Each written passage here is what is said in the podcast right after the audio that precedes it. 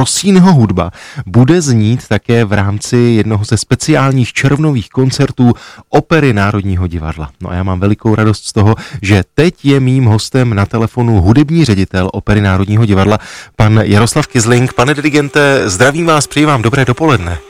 Já vám taky přeji dobrý den vám i posluchačům. Zmínil jsem Rosínyho, jeho mše se, pokud to říkám správně, uskuteční 18. června, ale vy nežijete jen touto mší s Rosínem, je to tak? 16. června ve středu, ve středu 16. je koncert 16. tak ať jsme korektní, ať nepřijdou lidé jindy, to by byla škoda o takový krásný koncert přijít. Ale zpátky k vaší otázce, ano, 12. to je již zítra, uvádíme první ze série koncertů, z nichž vlastně jsou takové pozvánky a doufání, že se lidé co v největším počtu i přes ta všechna omezení vrátí do našeho hlediště a zazní skladby Bohuslava Martinu a Leoše Janáčka. Bude to mimo jiné zápisník zmizelého, troufám si tvrdit pro všechny tenory takový průbířský kámen, je to tak? Ano, ano, je to legendární ta dvě vysoká C v závěru celého písňového cyklu. O tom se hodně mluví a hodně si o tom všichni tenoři povídají. Myšleno s nadsázkou. Ten cyklus zápisník zmizelého je ale přibližně půlhodinová věc pro solový tenor a solový mezzosoprán, malinký ženský sbor a pianistu, klavíristu, pro kterého je tento part nesmírně náročný, tak jako pro toho hlavního představitele eh, tenorového, když v klavíru, o klavíru se v souvislosti s vysokými C tolik nemluví.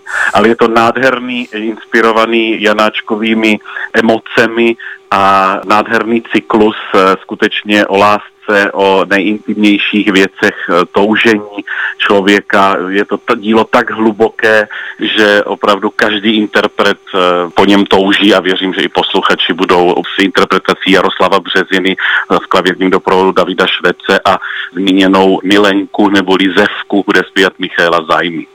Zmínili jsme tedy Rosínyho a ten správný termín, tedy 16. června.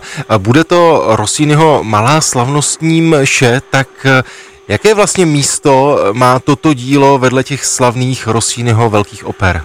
Tak eh, Giacchino Rossini byl známý eh, nejenom svými operami, eh, které jsou skutečně jedny z nejproslulejších v operní literatuře až do dnes. Slyšel jsem závěr předehry Lazebníka Sevilského, tak to je zrovna jedna z nich, ale on jich napsal opravdu velký počet. A zajímavé je, že on mimo velkého skladatele byl taky velký bonviván a milovník jídla a velký lenoch, s nadsázkou řečeno. A skutečně si představte, že on posledních 30 let eh, svého života v podstatě nic nenapsal, žil jenom z tantiemu a různých večírků a najednou z klonku života, mi před pět let před smrtí, pokud se nepletu, se rozhodl napsat toto nádherné dílo, které se jmenuje Misa Petit Messe Solennelle, znamená to malá slavnostní mše.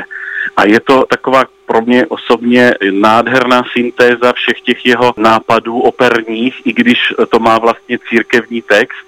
A Rossini ani nechtěl, aby ta premiéra byla v kostele, napsal to pro dva klavíry a harmonium, sbor a čtyři solisty a my to přesně v tomto originálním instrumentaci, řekněme, nebo v této originální verzi, takto na jevišti Národního divadla ve středu 16. 6. uvedeme. 18. června to pak bude koncert ve státní opeře, který představí především sbor státní opery, říkám to správně.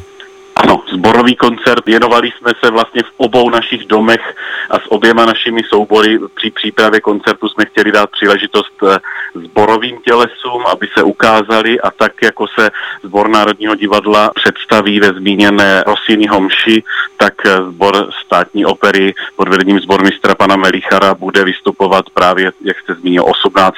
se skladbami eh, dvořákovými a brámsovými v budově státní opery. Tím závěrečným koncertem této červnové série bude koncert 20. června, který má půvabný název Brno, Praha, Hollywood, tak to musíte vysvětlit. Tak toto je koncert v rámci cyklu Muzika non grata, který vlastně připravil můj kolega nebo souputník na stejném postu, který zastávám já v Národním divadle, tak on ho zastává post hudebního ředitele dirigent Karl Heinz Steffens ve státní opeře a připravil s orchestrem svým koncert, který se právě nazývá Brno Praha Hollywood. Je to cesta vlastně Ericha Wolfganga Korngolda, který z Brna e, jako zázračné dítě, kde začínal jako klavírista a mladý skladatel, tak se skutečně dostal přes e, právě emigraci v době druhé světové války až do Hollywoodu, kde psal o slavné melodie a vlastně dožil a zemřel tam jako slavný hollywoodský skladatel filmové hudby.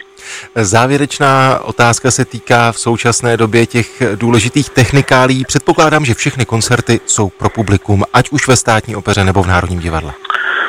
Ano, naštěstí se to povedlo a konečně už v červnu, jak víte, od 1. června můžeme přivítat diváky, když v omezené kapacitě.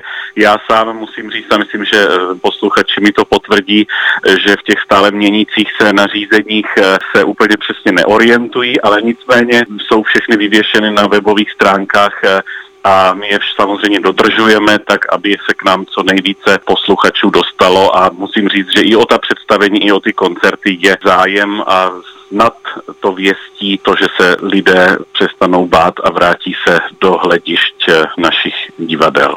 Pane dirigente, já jsem tedy moc rád, že jsme mohli posluchače Rádia Klasik Praha pozvat na sérii černových koncertů, které budou v Národním divadle a ve státní opeře. Ať se daří a ať se vše vydaří. Hlavně díky moc. Moc děkuji, taky se těším na viděnou a naslyšenou. Vše dobré.